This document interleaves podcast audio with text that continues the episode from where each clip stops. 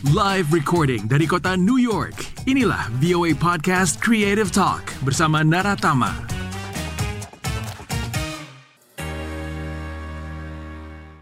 Apa kabar pemirsa? Ketemu lagi di VOA Creative Talk.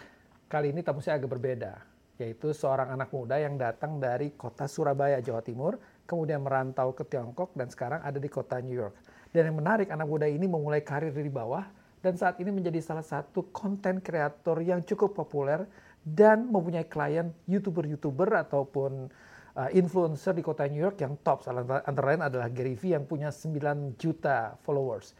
Dan dia bekerja untuk klien dari orang-orang YouTuber atau influencer influencer yang ada di kota New York. Abraham Kantono namanya. Dan sekarang Abraham sudah ada bersama kita. Apa kabar, Eb? Baik, baik Mas, baik.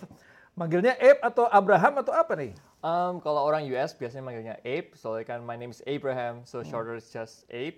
Tapi kalau misalnya Mas mungkin Abraham aja lah. Abraham aja. Ya, kalau, kalau kalau orang US bilangnya Abe pakai B. Yes. Tapi kalau Indonesia bisa ngambil Abe, wah bahaya Ya, tuh. bisa jadi monyet saya. bisa jadi Planet of the Apes. Ya, ya, benar-benar. Jadi gimana ceritanya dari Surabaya sekarang lagi eh, kemudian ke Tiongkok, kemudian ke New York dan sekarang pegang kliennya gede-gede banget nih. Jadi uh, saya dulu uh, kuliah, no, high school di Surabaya. Jadi saya dulu lulus SMA Surabaya. Terus pertama itu saya mau jadi dokter, Mas. Jadi dokter. Iya, saya pertama jadi pengen banget jadi dokter, tapi nggak keterima tesnya. Saya keterima jadi dokter gigi. Terus saya nggak mau, Mas. Terus akhirnya saya kan oke lah, ma- mama bilang, eh, mama bilang tahun coba tahun depan. Ya udah, jadi saya nunggu tahun depan. Terus saya belajar bahasa Mandarin. Nah kebetulan sekolah ini bisa bantuin saya ke kuliah di Cina Dari dari Surabaya dari ya? Surabaya. Terus oke lah, coba kuliah Cina satu tahun. Kenapa kan nggak kan? Terus akhirnya saya pergi ke Cina. Kerasan mas, saya suka di sana. Di kota mana? Pertama saya pergi ke Guangzhou. Guangzhou. Guangzhou itu kotanya. ya south ya south of China. Jadi kayak deket banget sama Indonesia cuma lima jam lah. Direct flight. Terus saya kerasan di sana mas. Saya seneng banget di sana ketemu teman baru. Terus culture-nya kan beda kan. Terus akhirnya saya mutusin ya udah lama aku mau kuliah di luar negeri aja. Aku nggak mau balik ke Indonesia. Habis itu setelah itu saya kuliah di Guangzhou. Terus kuliah bahasa mas. Saya nggak bisa bahasa Mandarin sama sekali. Jadi di Guangzhou itu belajar bahasa Mandarin Iya, dulu. Jadi iya. belajar bahasa dulu supaya bisa sekolah. Iya, ya? supaya bisa sekolah. Akhirnya saya lulus, terus saya pindah ke Hangzhou. Hangzhou itu kayak eh, deket Shanghai, jadi kayak mid-nya China. Terus saya sekolah di sana 4 tahun, ngambil jurusan Chinese Business. It's like, I would say, kayak bisnis administratif lah di sini. Jadi Kayak kayak bisnis eh, bisnis administratif ya. Iya.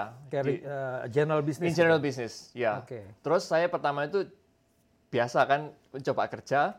Jadi pertama itu saya pertama sempat jadi trading. Jadi kayak saya cariin klien di Indonesia barang. Oh saya mau Main buka- saham ya? main- Nggak bukan saham mas. Kayak barang. Aku pingin beli barang Oh, dari trading, Cina ini. perdagangan. Iya. Ekspor impor Iya. gitu. Jadi saya itu dulu keliling kota-kota Cina kecil-kecil gitu nyariin pabrik buat orang Indonesia.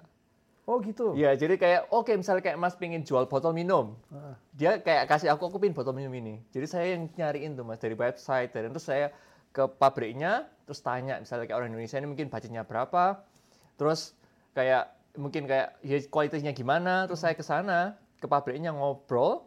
Saya cariin barangnya Jadi waktu itu benar-benar belajar bisnis di China. di China, kemudian berbahasa Mandarin, Yes. kemudian mendapatkan klien-klien dari sana Yes. untuk bisa ekspor Yes. impor ke Indonesia gitu. Yes. Produknya macam-macam ya. Macam-macam mas. Macam-macam. Mana ada macam-macam. aja gitu ya? Ada aja pokoknya kadang kayak oh aku cariin jepit dong kayak apa jepit buat cewek gitu. Jadi kayak di kota Cina itu banyak kayak spesifikas spesifikasinya. Hmm. Jadi kayak eh, di Hangzhou itu ada kota namanya IU. IU? Itu ya IU jadi kayak perdagangan terbesar di China. Apa aja tuh? Apa aja ada.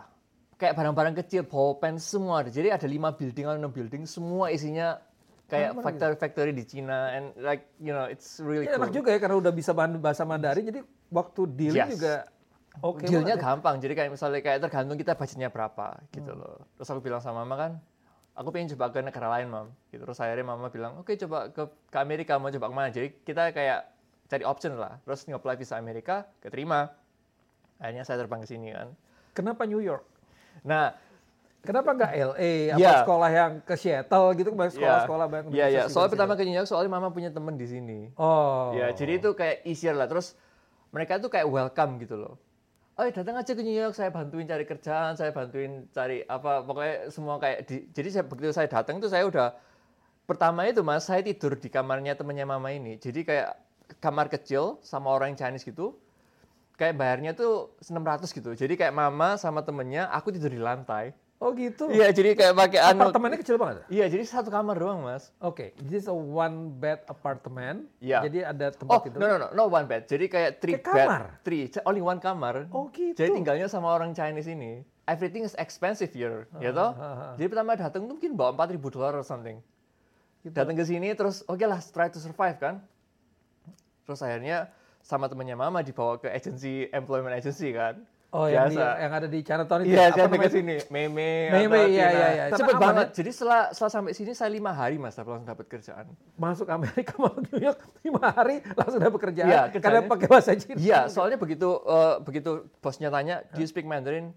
I just speak Mandarin right away. Wah, Langsung, oke, you got the job. Saya dulu kerja di waiter mas, di Waiter. Vietnamese restaurant deket sini. di Vietnamese di Vietnamese restoran jadi waiter. Iya. Kalau boleh tahu berapa sih bayarannya? Dulu itu saya gajinya ya mas, 65 per hari, itu 12 jam, 12 jam 65 per hari plus tip.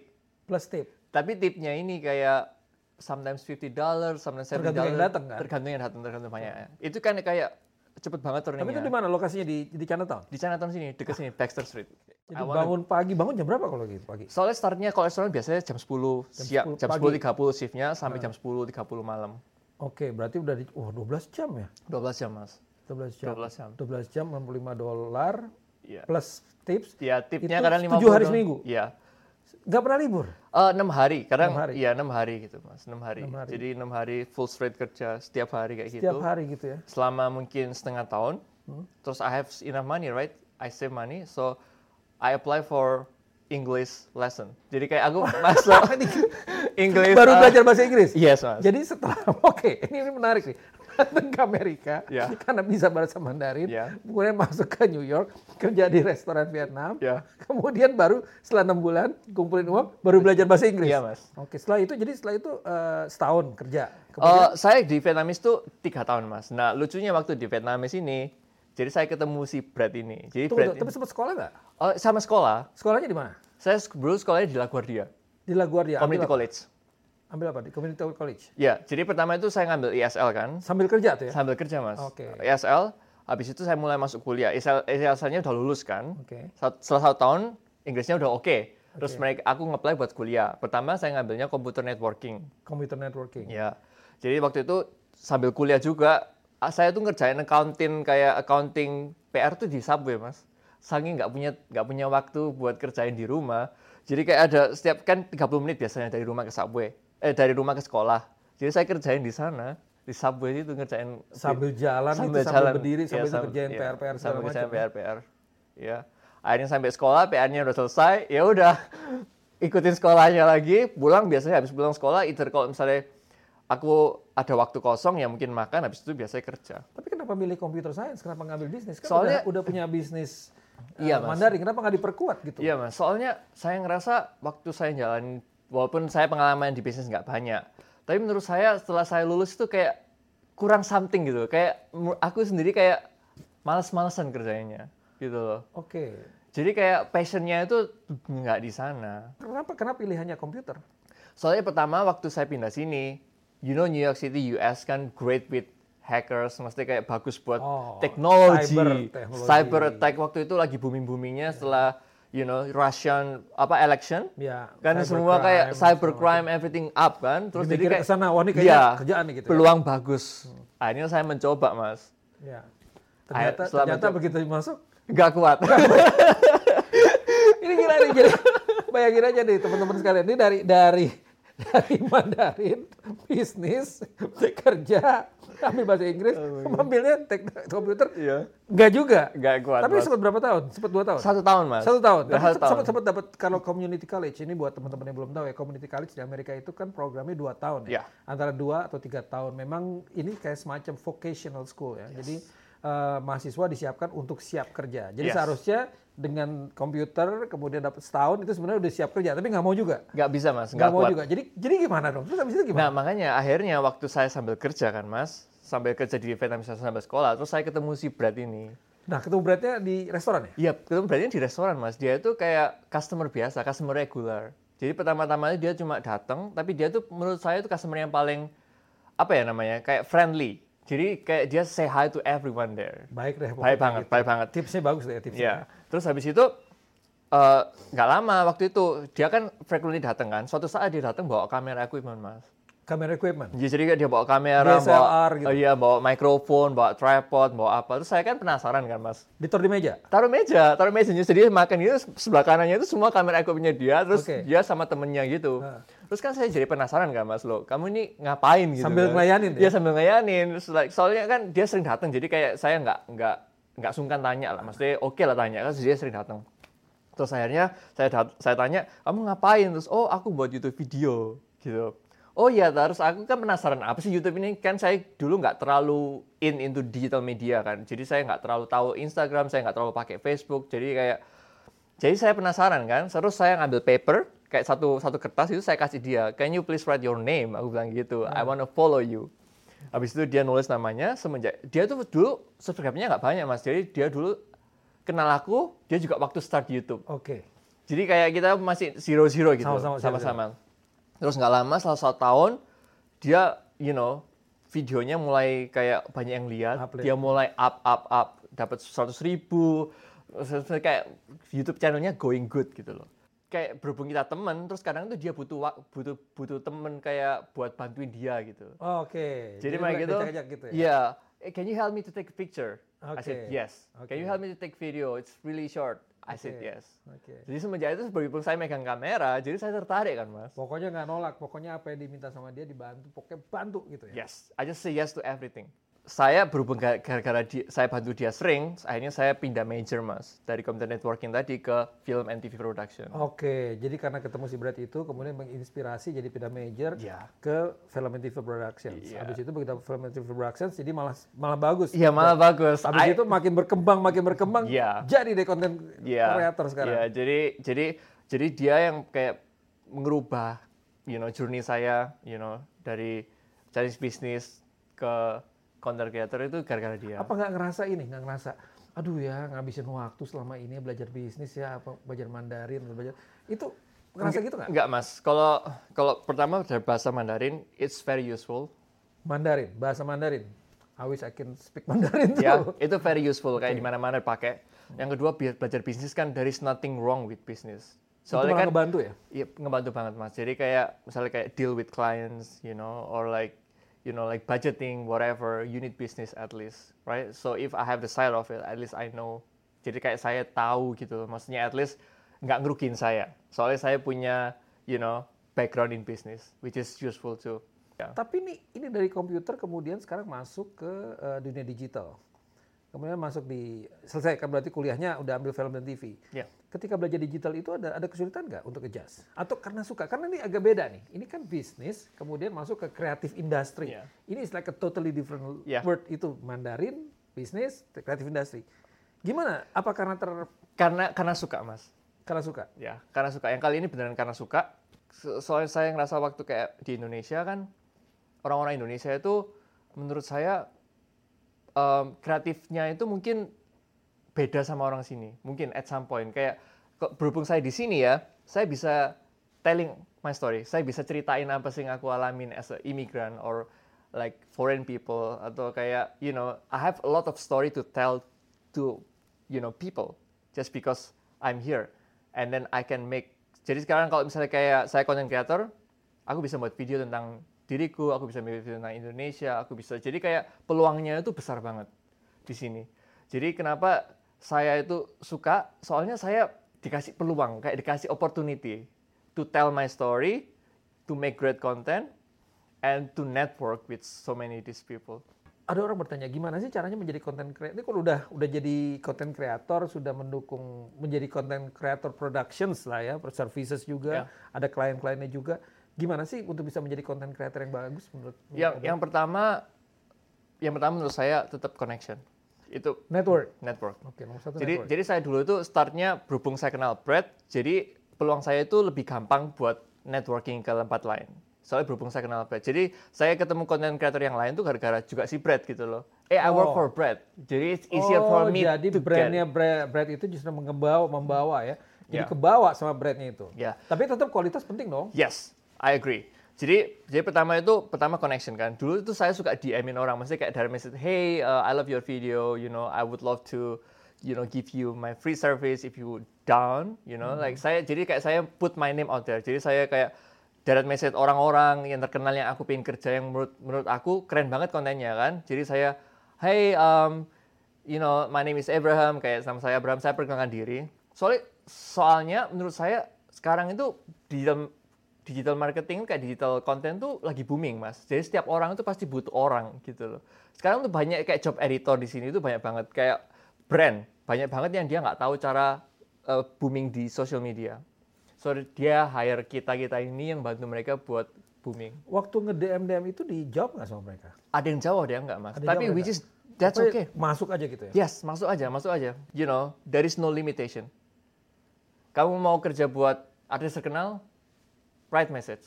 You know, hey, I'm this, introduce yourself. Ini menarik banget. Pokoknya kalau network, kalau mau apa-apa, masuk aja dengan direct, dengan DM. Ada artis siapa, masuk aja. Soal dijawab nggak dijawab, atau yang menjawab adalah Ya. mungkin moderatornya dia, nggak Ya. peduli, pokoknya masuk aja. Ya, kalau menurut saya itu peluang itu banyak banget di Indonesia, di sini itu peluang banyak banget. Jadi berhubung saya ini dulu kayak sering sering kayak diamin orang, jadi kayak orang banyak Jadi banyak tahu ya. banyak tahu. Jadi akhirnya, oh you you are the one who DM me, right? Yeah, I DM you already. Paling nggak dia lihat juga Instagramnya, dia lihat Yes. karyanya. Kan yang Yes. penting kan ada noise ya. Yes, I- we have to make noise. Oke. yes. Yang pertama tadi network, apalagi yang dibutuhin? Yang kedua menurut saya setelah network skill atau creativity. Nah, ini gimana caranya tuh? Basic kamera udah tahu deh, semua Yes, basic semua Nah. dasar ya. Yes, but now everyone using phone. Oke. Jadi gimana tuh? ya, so jadi sekarang itu menurut saya ya, kalau misalnya mau jadi content creator, just make content, just put yourself out there, IG, TikTok, YouTube, whatever content you want to make, just put it out there. But it depends on the what kind of content dong. Yes. It depends on the what kind of the quality of the content. Kan kita nggak bisa bikin sembarangan konten Ya, itu to be aja. honest mas, kalau misalnya sekarang ya, quality is number two. Really? Yes, soalnya yang number number one now is the personality, I would say. Oke, di highlight sekali lagi. Jadi quality number dua. Jadi kalau seandainya megang pakai cellphone misalnya gitu ya, saya pakai cellphone gitu ya, kemudian eh, apa namanya gambarnya goyang atau atau lagi gini atau mau vertikal gitu, itu nggak masalah. Nggak masalah mas. Itu social media menurut saya itu shifting. It's not more into quality, it's more into creativity and personality. Jadi cuma ada dua option aja kalau mas mau viral di social media. Either kreatif, misalnya kayak buat something, misalnya kayak table ini, dibuat something art, you gonna go viral. Kontennya, objeknya kreatif ya. Yes. And second one, if you are like lovable. Kalau itu doang. Jadi camera work it doesn't matter now. Soalnya sekarang semua youtuber pakai pakai HP mas. Ini penting Sekarang- banget ya. iya. Penting banget ya. Jadi kamera. ya, jadi sekarang orang itu nggak perlu I have to have DSLR. You have your iPhone, just create content. Soalnya believe me, if you make 100 content, one of them is gonna go viral. Soalnya peluangnya itu di sana banyak. Sedangkan kalau misalnya kalau pertama sih aku saranin sih memang TikTok it's like the most easiest way. ya. and then go to IG and then go to YouTube. That's like the only steps that you know I recommend people. Soalnya TikTok tuh like simple things can most you know be viral. And kalau misalnya Mas pingin cleaner profile, go to Instagram. It's usually Instagram is for business and everything else. Real ya sekarang. yes. begitu. And YouTube it's more like uh, professional. Ada network, tadi ada quality. Yang ketiga, marketing it's like one of the. I would say like learning something new every day. Soalnya kayak saya ya mas, saya setiap hari kan buat konten buat orang kan di TikTok. Jadi setiap hari itu saya harus ikutin follow trend. satu, satu. I have to like scrolling every day to find a new creative way, and then like learning from others and make it better. Wah ini keren banget nih. Ini yang paling terakhir yang paling penting banget bahwa kita setiap hari harus belajar. Ya. Belajar itu di mana aja dengan melihat konten orang, Yes. dengan melihat TikTok orang. Yes. Eh, berarti kita belajar itu berarti kalau kita melihat eh, konten orang itu bukan kita sebagai penikmat konten, tapi Ya. kita bagaimana cara bikinnya. Yes. Gitu Jadi ya? bagaimana cara bikinnya? Terus bagaimana misalnya saya kerja uh, buat chef ini ya, misalnya. Oke. klien- kliennya chef. Kliennya chef. Oke. Jadi kalau misalnya saya lihat ini kan TikToknya bakal trending kan. Saya Hmm. tahu ini bakal trending. Soalnya banyak likes sama banyak komen, banyak Iya. share. Itu tahu pokok bakal trending. Hmm. Gimana ca- caranya supaya klien saya ini bisa juga ikut trending? dengan maksudnya kayak tipe konten yang sama. Jadi saya tuh think kreatif, mari gitu came up with the concept and film it and then post it. Dan itu bisa dipakai apakah kreatif atau personal tadi ya, person tadi ya. Yes. Dan kalau person itu kalau kita mau tampil di social media kita harus lovable ya. Yes. Uh, misalnya kayak saya ini menurut saya saya kurang lovable, tapi mungkin Gimana kurang lovable udah udah kabur bagus gitu gimana kok? Saya suka banget tuh baca liatin tuh. Wah gila nih lagi lagi di mana di ya lagi di mana-mana di ya. rooftop, Mas. lagi di mana Iya, gitu iya. ya. Ya, j- Ini kayak apa namanya ya eh, artinya artinya gini setiap orang harus tahu di mana dia kelebihannya, Kelebihannya. gitu ya. Yes. Ada yang memang sudah terbiasa depan kamera, Yes. ada yang kreatif Yes. gitu ya. Yes. Mungkin nggak sih di antara keduanya itu? Jadi pertama itu menurut saya practice. Practice is really good. Talk in front of the mirror, just say anything and record Talking it. to the mirror. Nah, ini satu lagi nih teman-teman kita belajar adalah dengan talking to the mirror. Ya. Oke. Jadi record aja. Kalau merasa oke, post it. Post and it. let's see what the audience gonna think about it. Eh, kalau gitu terakhir nih. Ya. So what is your goal? Kalau sekarang sih saya ingin mencoba ke Hollywood movie. I want to edit one of the Marvel videos. Marvel movies. Amin, keren nih, keren nih. Ini jadi targetnya adalah Marvel, Iya. kemudian pegang sosial medianya lah. Ya, gitu. pengen edit, pengen like you know working with Marvels. Wah, keren ya. Ya. Eh, Abraham, thank you banget atas waktunya. Iya, ini Mas. kita banyak bincang nanti kapan-kapan kita undang lagi. Kayaknya nih kalau udah mungkin kita nanti kita ketemu sekali lagi, kita benar-benar ngobrolin soal masa konten ya, bagaimana dan dan kita ngebahas konten lah nanti Ya. next time gitu. Boleh Oke. kan ya? Boleh, boleh, kan Mas, buat boleh, boleh. inspirasi buat teman-teman yang di Indonesia juga teman-teman di Surabaya nih kan Ya. teman-teman SMA nonton. Iya, teman-teman SMA. teman-teman SMA Jadi malu. ya. Ini uang uang ini area area Surabaya. Surabaya. bonek bonek. Oke, oke. Oke. Oke pemirsa, thank you banget. Terima kasih sudah bersama di Creative Talk dan mudah-mudahan kita ketemu lagi di episode mendatang dengan tamu yang lain. Thank you Abram ya. Thank Terima you kasih, Mas. Selamat- Bye.